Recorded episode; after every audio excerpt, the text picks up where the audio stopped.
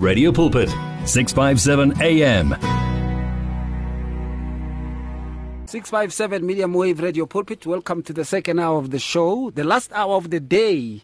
And uh, it's such an honor to be embraced by uh, Dr. Mabel Baloy. She's on the line. Greetings to you, Dr. Mabel. Greetings to you, my pastor. Greetings to the listeners. Thank you for having me. I hope you're well. I'm well, my pastor. I'm well. I just, I'm just loving the weather. But the past two days, there was a very, very cold wind that was not Yeah. comfortable. Yeah, absolutely. I thought I was the only one feeling it, you know. Uh, because because I get out of the house around uh, five past four in the morning every day, Mm.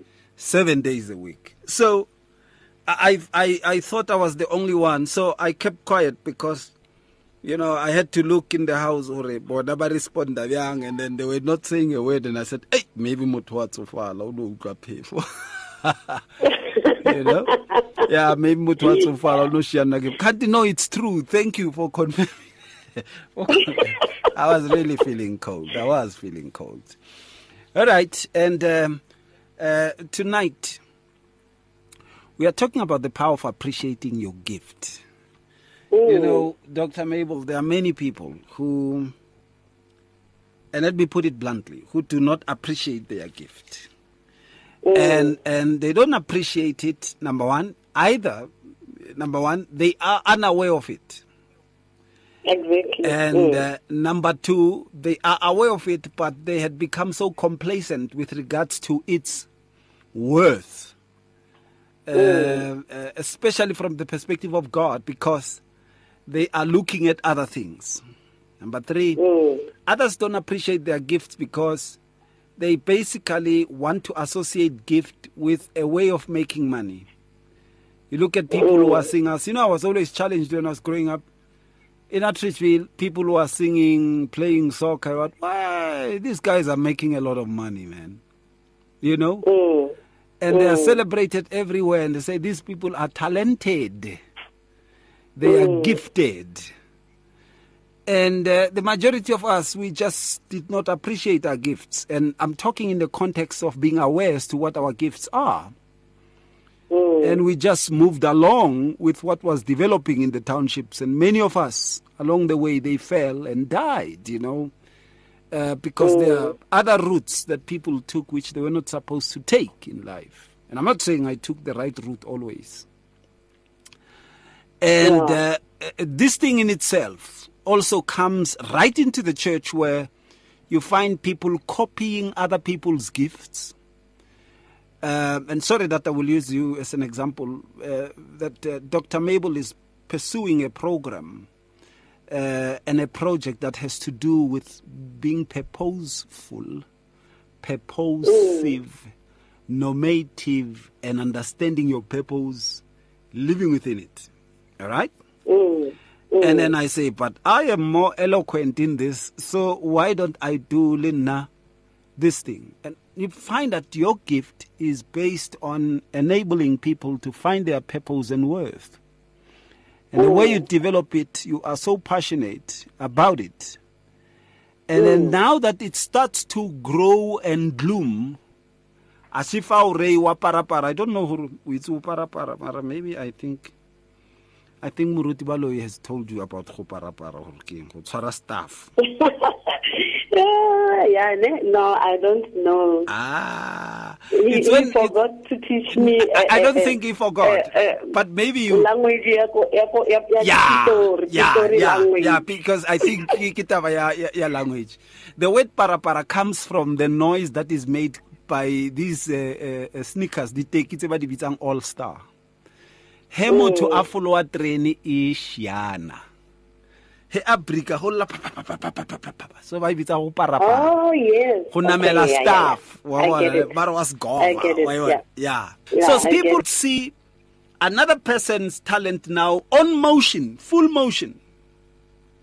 And there they are ba tlo parapara bjanong they don't get theirs. Uh, uh, serious right dr mabel Mm-hmm. o bona le nna monna ko blockile mo hotlhe and a ke itse gore o tlo mpona bjang? Maybe o mpone through someone else. Maybe your daughter's uh, uh, uh, a cell phone you would see ow mo timelining ya high re shule. Exactly the things tse ba re ke no change di color fela.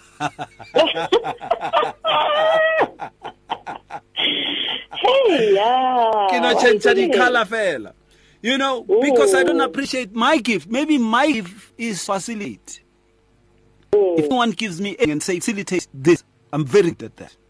Ooh. you know to make happen to make connections to facilitate to bring people to an understanding haya sifane ke shana ka ntho ya purpose. Yo ipatela meibolo bjana le nna tshwantse mpatela ke lebeletse bands ya me yo! Awa ke bands ya meibo oh. eh e ngwetse mola e ngwetse baloi wa ibona e ke re yo haya ya ya ya ya ya ya let let me just do this and then ke apara para ke namela stuff Mm. It's when I don't appreciate my gift, and that's a problem. Mm. Dr. Migo, what comes to mm.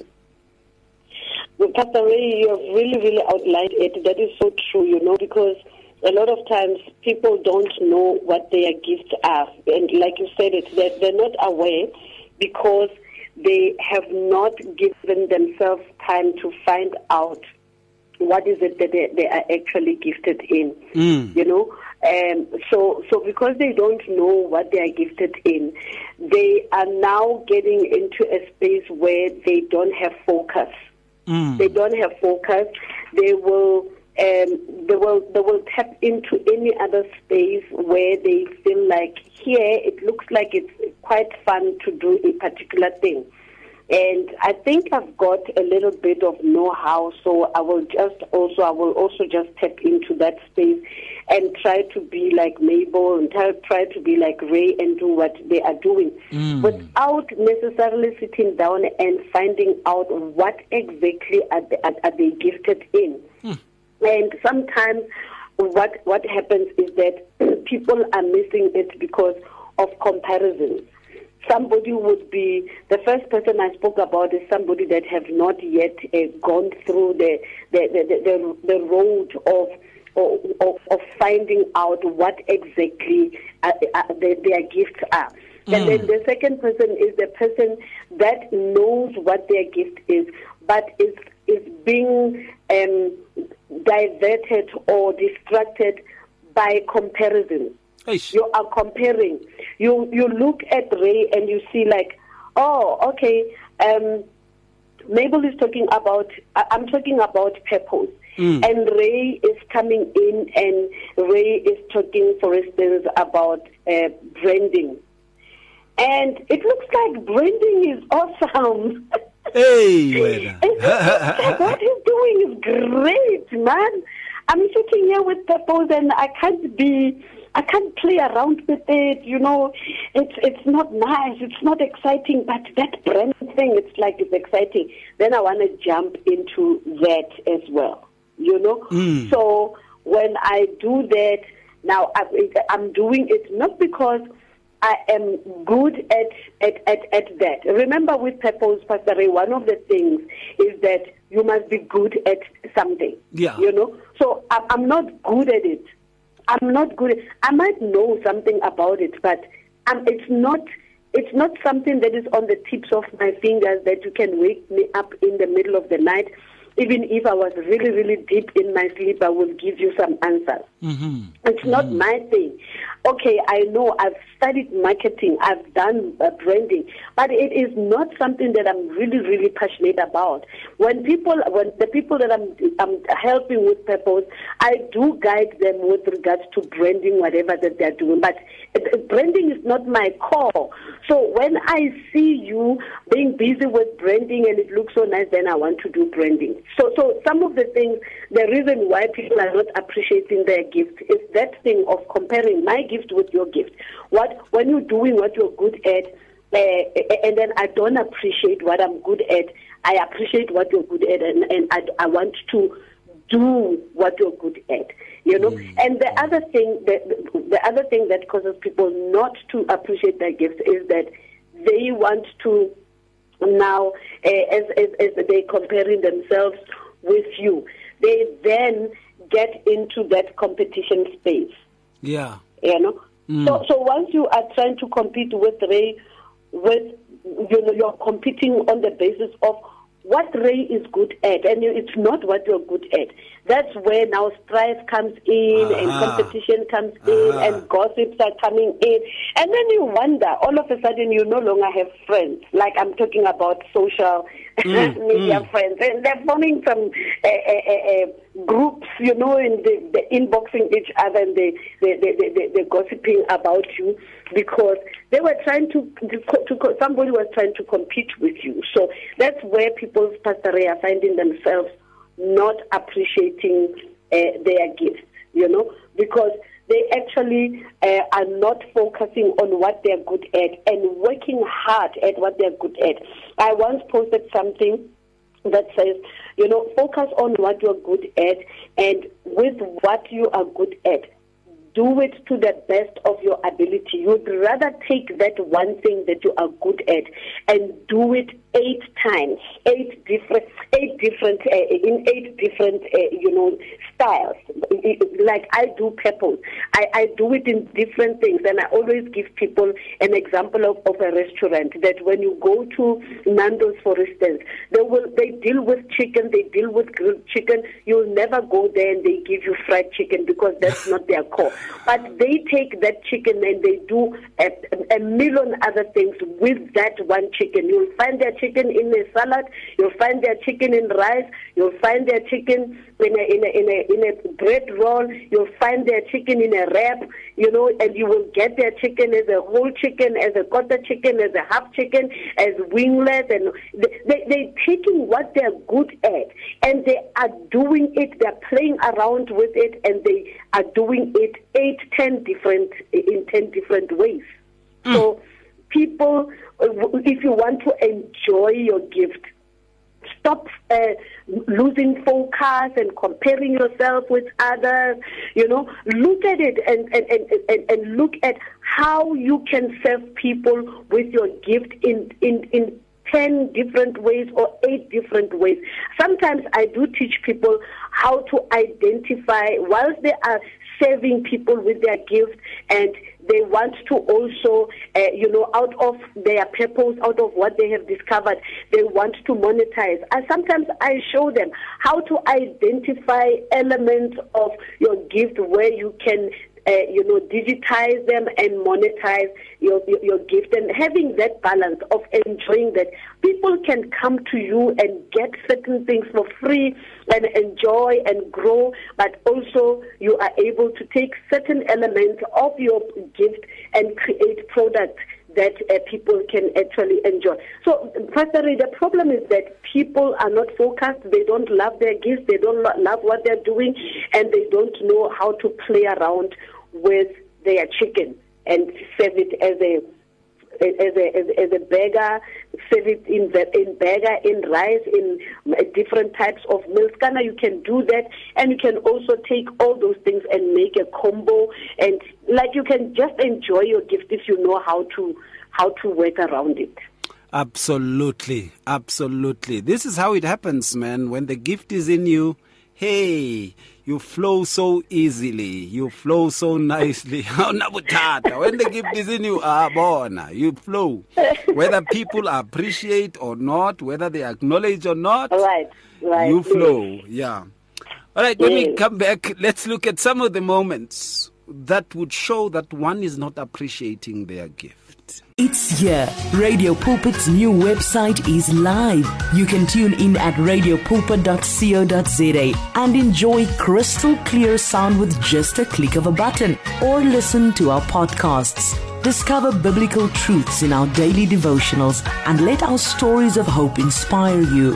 You can download our app on this new look, easy to use platform. Find your favorite program, get to know our presenters, and so much more at radiopulpit.co.za. Radio Pulpit, your daily companion. There is radio and radio. And then there is 657 AM. Can you hear the difference? Our family is just getting bigger and bigger. Welcome to 657 AM. Welcome back, 657 Medium Wave Radio Pulpit. And uh, Dr. Mabel on the line, the very aspect of a lack of appreciating your own gifts. You know, it happens much mm. of the times. We see many people uh, really, you know, failing to appreciate, you know, uh, what they should be and, and, who they can be like. Yeah. And really wanting to emulate someone else's gift. Mm. And thereby ending faking things, you know, because they want to be on par with you. They, they would fake Mm, things and all that. And even run smear campaigns against you. Mm. So that what they have could look like the genuine one. Uh, Mm. and they would start to dislike, you know, no longer appreciate you Mm. and all that uh, because they feel that, hey, I no, uh, enough is enough. Yeah. Now, another moment would be when one basically is not bent on that which God has deposited in them, but they're busy hooking themselves up with what God has deposited in others. Right. Then you can know that this person is at that moment of rejecting their own call, Ish. their own mode of obedience. Because you see, that very aspect of your gift is, is your highest mode of obedience. Because once you, use, you, you utilize it, you are actually utilizing it to the glory of God. So it becomes your high mode of, of, uh, of obedience. And many people are going to see the glory of God through that. Mm. And um, Yeah. someone says, uh, you know, uh, someone says, no, no, no, you should, uh, you know, convert this thing. And I know in the music industry, someone would come and then you feel this person has a lot of talent. Mm. And talent actually makes about six to nine percent of the album. The rest of the stuff is Yeah. skills and all these other things and stuff. But your talent is just ten percent. Mm. Your talent do- doesn't even sell the album. And uh, someone comes and they are talented, and we say, okay, we can make a good brand with this person. And he sings gospel, and we say, no, okay, try to sing like Lundi, for instance, because there's a demand for that, you know. We get you producers that write songs like that, and then you start to sing like Lundi, or Lundi starts to sing like Rebecca. Ash. you know? And then you start to realize that no man no man no man.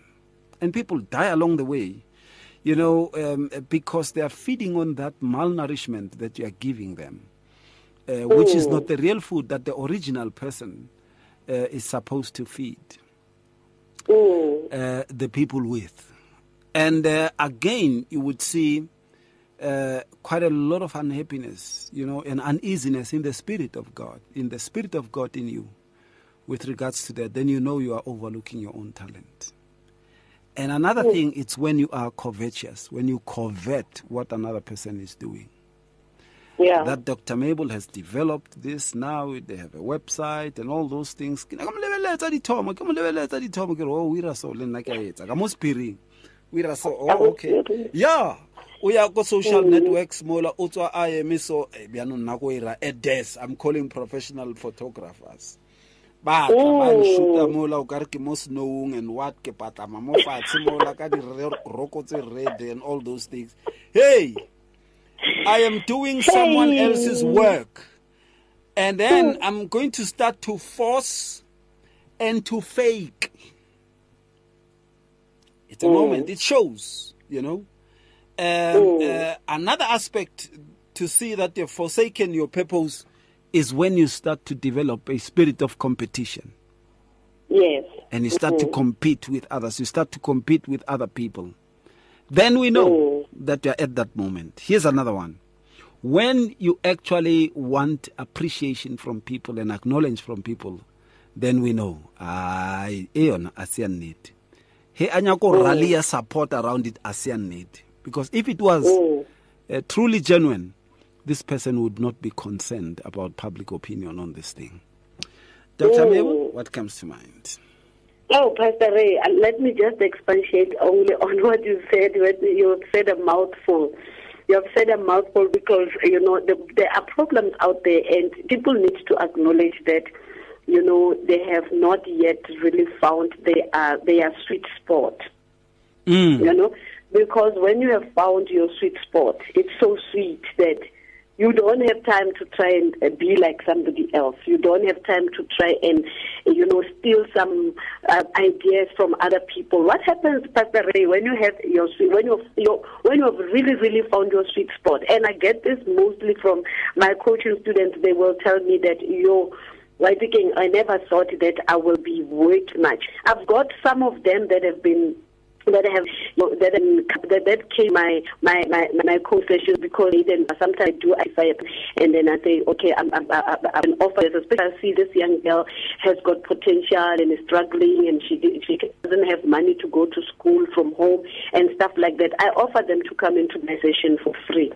And now one of them that has uh, that has come into my session for free she tells me that she knew that her sweet spot can actually create a job for her. Listen mm. to that, Pastor. Mm. As her sweet spot has created a job for her.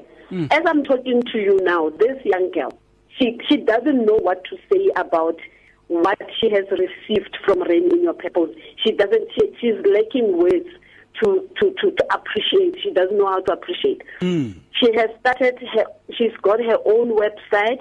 She started an organization called Girls Without Fathers because she grew up without a father. Mm. And she did a lot of things that were messing up her life because she was looking for certain things that she missed out as she was growing up without a, fa- a father like she is working she is she has created uh, you know programs for girls without fathers.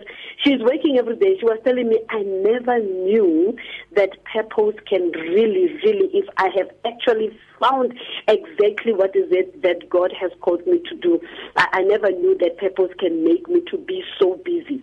And everything that she's doing Pastor Ray, comes from the inside. It comes from her core because we traveled a journey of finding what exactly her purpose in life is. And we found out that some of her experiences were clues to her purpose, but she was not aware. So I, I did help her to see, to identify the message in those those clues, the good, the bad, and the ugly that happened in her life.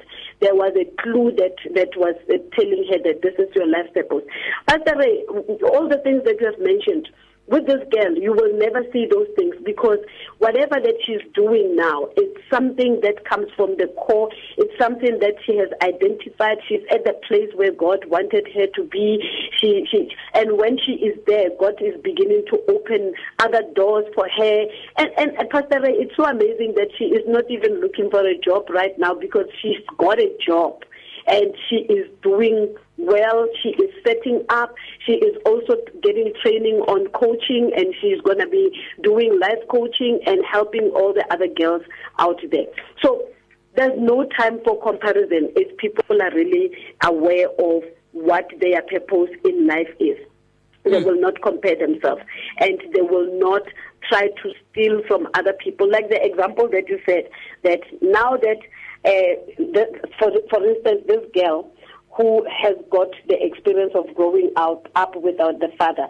Now she is trying to she, she will be trying to do certain things that will show other girls that they can actually uh, you know become confident they can actually become independent they can actually create uh, you know wealth for themselves and now when she's starting to do certain things none maybe like say I'll be trying to copy that you see that I'm, my cop, my copying is disadvantaging me because mm. I don't know where this person is coming from that I'm copying. I don't know what their experiences are. I don't know what demons they fought to be where they are. I don't know what happened in their lives to be what they are. And I'm just trying to copy the hearing.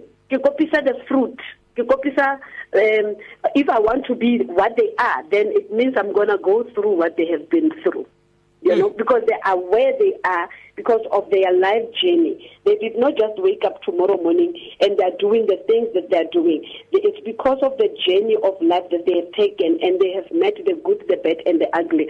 So some people, moments of of of of of, of um, of the moments whereby we see that people are not appreciating their gifts is when they are really engaging in cop- in a copycat business and uh, they don't know how you create your promotional things and stuff like that. They they think you are paying somebody every week, and then they spend a lot of money, Pastor, because they're in competition. They spend a lot of money taking pictures every month, nice pictures. Uh, I say like a photographer, and spending money on this and that, just trying to uh, you know, to compete with you. Those are some of the moments, and unfortunately, people are, are, are, are spending their time and money on competition which they're not supposed to be doing. So I, I would say that it is very much key that people really, really delve into what they have been called to do. They must identify their sweet spot because that sweet spot is going to create many, many opportunities for them. Absolutely. You know, one of the things uh, that shows that one is at a moment of rejecting their own is is when they actually disobey God. The sign is that of disobeying God in what should be done.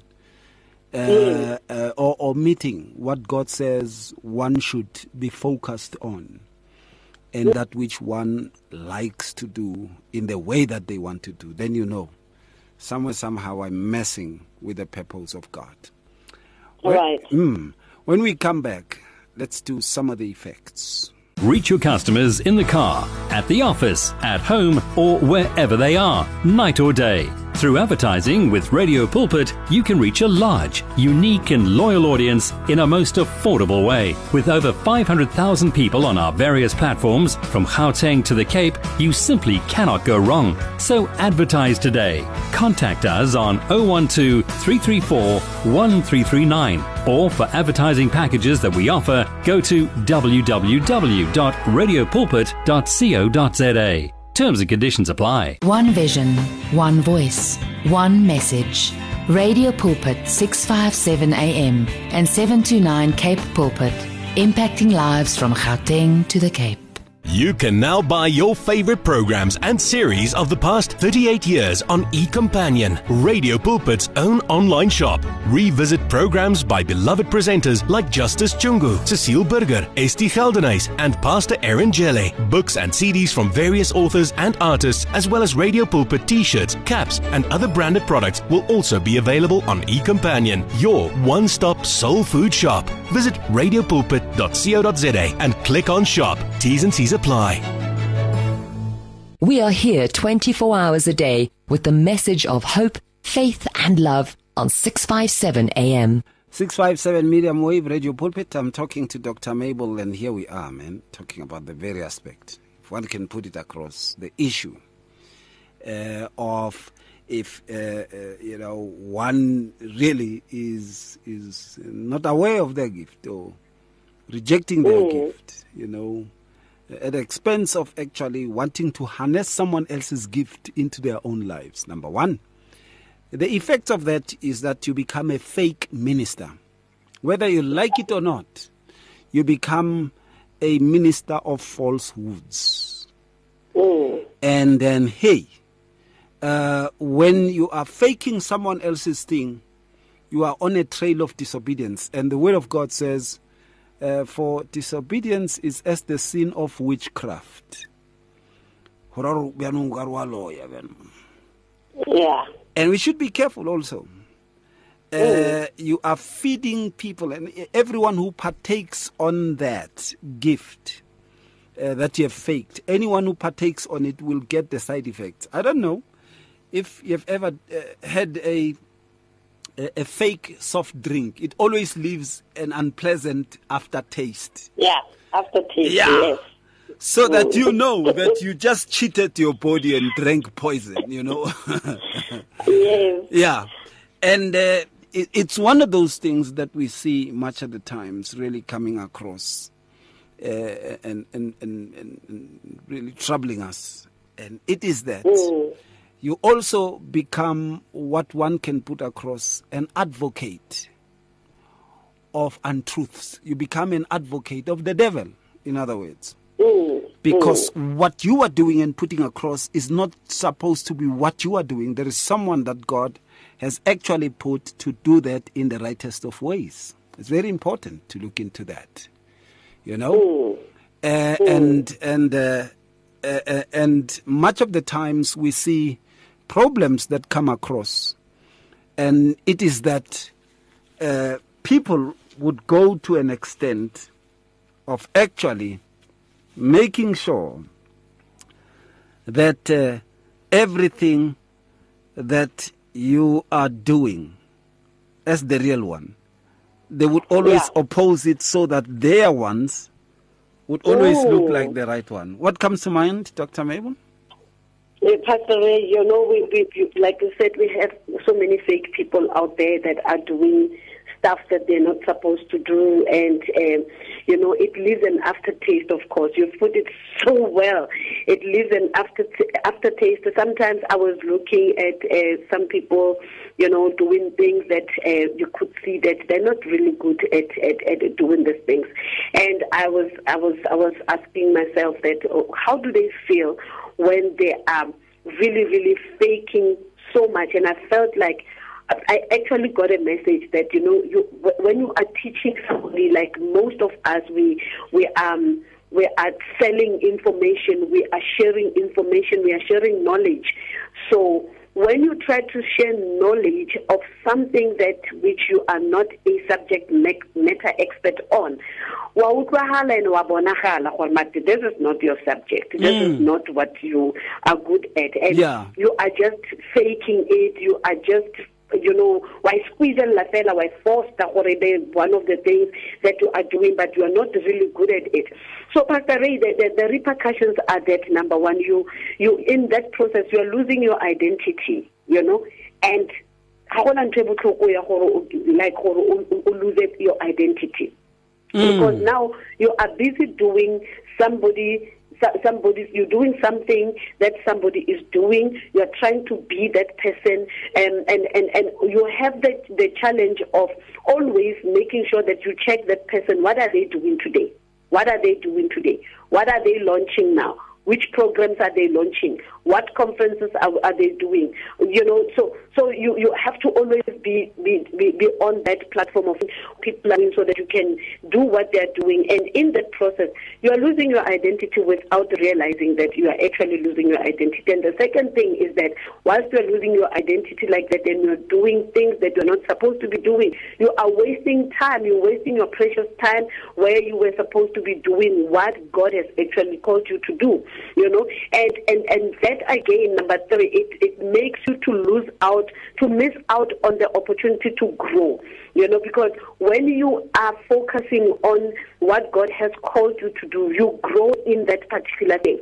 You will realize after 5 years after 10 years if you come back to your senses oh god I've been wasting time to do able to do only to find that I was supposed to build up what doing. Just help people and pe- I was supposed to be doing things that God wants me something is building up on what maybe with with the people that she's working with. So I missed out on this opportunity to learn how to do it, to learn how to show people what to do after they have discovered their purpose. Now you want to do what Mabel is doing, helping people to discover purpose. Gandia is to take them from there and build up. So you miss on that opportunity. And you also, uh, what is painful is that you miss out on the opportunity to master your craft, Pastor you know? Mm. because when you are doing that which you are good at and you are consistent you become a master of that you become a specialist in that area because you have been doing it over and over again. So when you are doing these things of of of of, of copy of doing copycatting and stealing things from other people you miss out on an opportunity to master your your, your craft.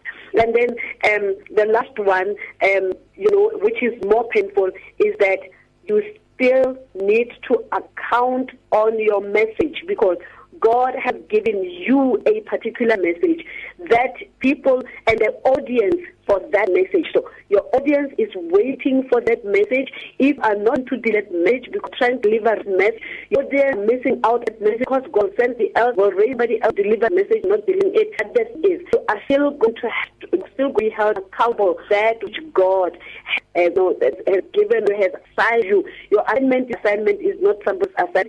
Focus on it so, or comparisons and petitions and those and still go to face God account your message whether you have delivered or you have not delivered. Absolutely, you've did it or you have not. Uh, much of the times we fail to understand that. Dr. Mabel, you know, I, I don't know, uh, but I've realized this. Uh, people who are faking things, they create uh, somewhat somehow a trap for themselves too. Even though that they have created all the frenzy of negativity around the one who originally has the talent, they mm-hmm. create a frenzy. And what comes to mm. mind also is is the celebrations that the children of Israel were giving between uh, David and Saul. For Saul killed his thousand, David tens of thousands. David was very, very much uh, angry because he wanted mm. that tree of, uh, of, uh, of uh, David. He was very angry, wanted glory of David and plot to kill. And that was to his eyes. When do these things, you basically trapping yourself and uh, basically are being yourself to what one can say, you know, an abrupt end. Uh, right. It's very right. important to look into that. What say you there? Pastor Ray, you've given a powerful, powerful example, and that is how things happen. You know, that is how at the end of the day, uh, you find that you are paying for being obedient God. You are paying for being of us. You are paying for trying to bring us down. Because it's the principle of the is the principle of the if if if, if the Bible talks about reaping your soul, definitely reap so. Some mm. maybe enjoying for a while that you know upon that seed that you're planting the seed of hatred, planting the seed of gossip, planting the seed of bringing someone down, planting the seed of turning people against that particular person. But you know what? One day that seed will bear fruit and you are the one who's going to eat that fruit. Mm. because you've planted that seed it's your fruit you've planted it. So if you were planting hatred you'll find that it is coming back to you. You've planted uh, you know uh, people who are against a, a particular person. Because before long people will be realizing that but no man there's nothing wrong with that person. There's everything wrong with this person that told us that that person is not good. You know? And now you are you, you you tend to lose your friends and you tend to lose the people that were surrounding you. You tend to lose people that were that loved you at that particular time because you actually bought their love. You wanted them to love you because you're talking bad about another person. So pastor ray the word is the word the principle of the word stands. What mm. you hmm. put down in the ground when it comes out that's what you're going to sow. That's what you're going to reap. Nothing different. Absolutely. When we come back, we do the final thought. In today's rush world, there is limited time for yourself. Your cell phone, however, is with you all the time. So why not use it? Visit our Radio Pulpit website with your cell phone and restore your soul. There you can find out more about Radio Pulpit. Download the Bible to your cell phone, read Word for Today, and you can listen to us online. Just visit www.radiopulpit.co.za. Especially developed for your cell phone. Radio Pulpit, your daily companion. Be doers of the word with 657 AM. Sounds of life. There we are, the final part with Dr. Mabel coming to conclusions. I would say never copy anyone because it Amen. makes you disobedient, Amen. you know. Obey God mm. and be the original, authentic mm. self. And mm. everything that God starts with you, it makes you the originator of a sort instead of starting something that will fall off along the way. I used to produce a particular program and then I had some style of producing and when it was starting to make a lot of money for some people in the offices, they said, "But we can do this without Ray," and they couldn't run. They couldn't run it for two seasons. So all those millions were gone. All those millions were gone, and people people became unemployed. And from there, hey, I started seeing them on newspapers. You know, for all the wrong reasons. It's quite sad. Be the one that God wants you to be and everything that is original with you, God will always endorse it. Dr. Mabel? Mm. Yes, Pastor Ray, you know, it, it, it, is, it is very much important that we are authentic.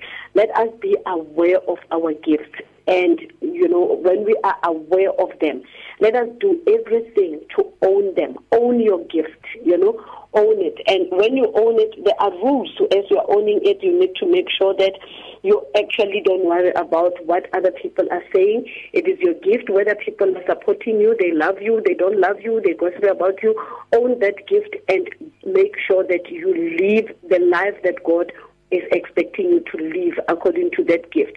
And make sure that as you are owning that gift you are you are trusting yourself. You are believing in yourself. You believe that God cannot give you that gift and not give you the skills and the tools, the techniques to make sure that you are carrying out everything that has got to do with that gift.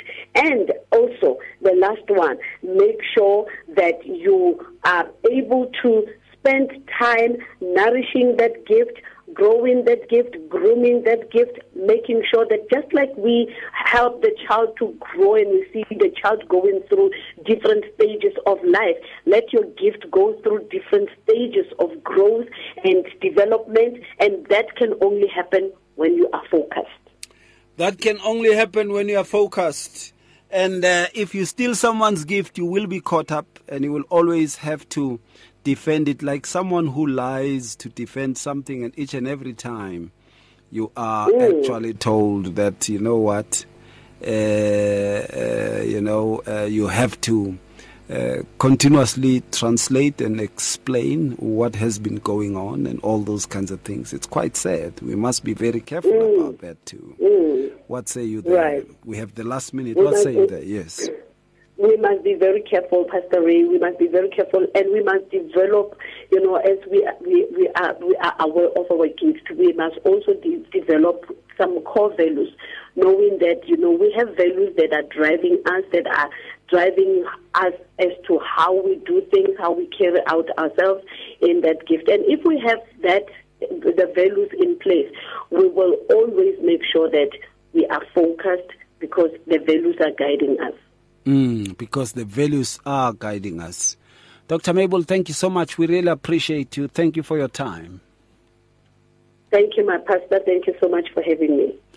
And of course, how is your program going, by the way? Who are you talking to?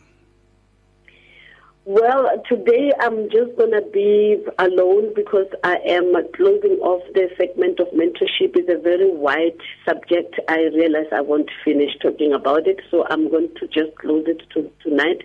Next week, I'll be talking to Apostle Trina uh, from um, California, and we're talking about business today. Mm, absolutely. Thank you so much, and much blessings to you. How do people connect with you? Uh, people can connect with me via social media, Pastor Ray. If they just go on Facebook and uh, look for Rain in Your Purpose with Mabel Baloy. Even on Instagram, I realized that you can just actually uh, uh type Rain in Your Purpose and mm. it will, you know, it will come out. So people can follow me there. And they can also drop me a WhatsApp message on 063 304 4333. 0633044333. Dr. Mabel, we appreciate you as always. We thank you for the time Amen. you have given us and uh, for always making uh, this hour a beautiful one. Thank you so much, and uh, may God give you more. In Jesus' Amen. name. Amen. Thank you so much. Thank you, my pastor. All right, then. Good, Good night. night. Good night. That is Dr. Mabel Baloyi, and uh, we will be touching base with her again next week. And I should say, uh, we will also be talking to her. Please uh, send your feedbacks. Remember, you can get this on podcast. Uh, Jack will put it through, and we trust God will just do you good and bless you so much in a mighty way. From me, Ray Lahodi, it's been wonderful. Be blessed. We give God the glory. If you need prayer, please send your request to prayer at radiopulpit.co.za or WhatsApp 067 429 7564 or go to Radio Pulpit website on www.radiopulpit.co.za. Many people across South Africa are being blessed and encouraged by the Radio Pulpit devotional magazine, The Word for Today.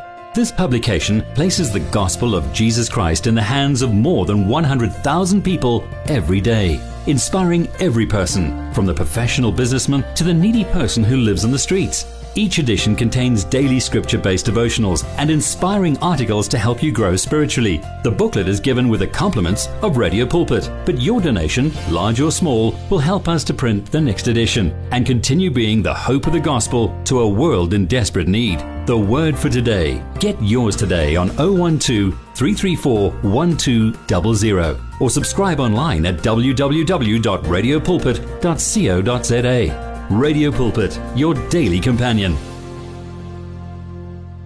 You and 657 AM and life, a winning team on the road to eternity.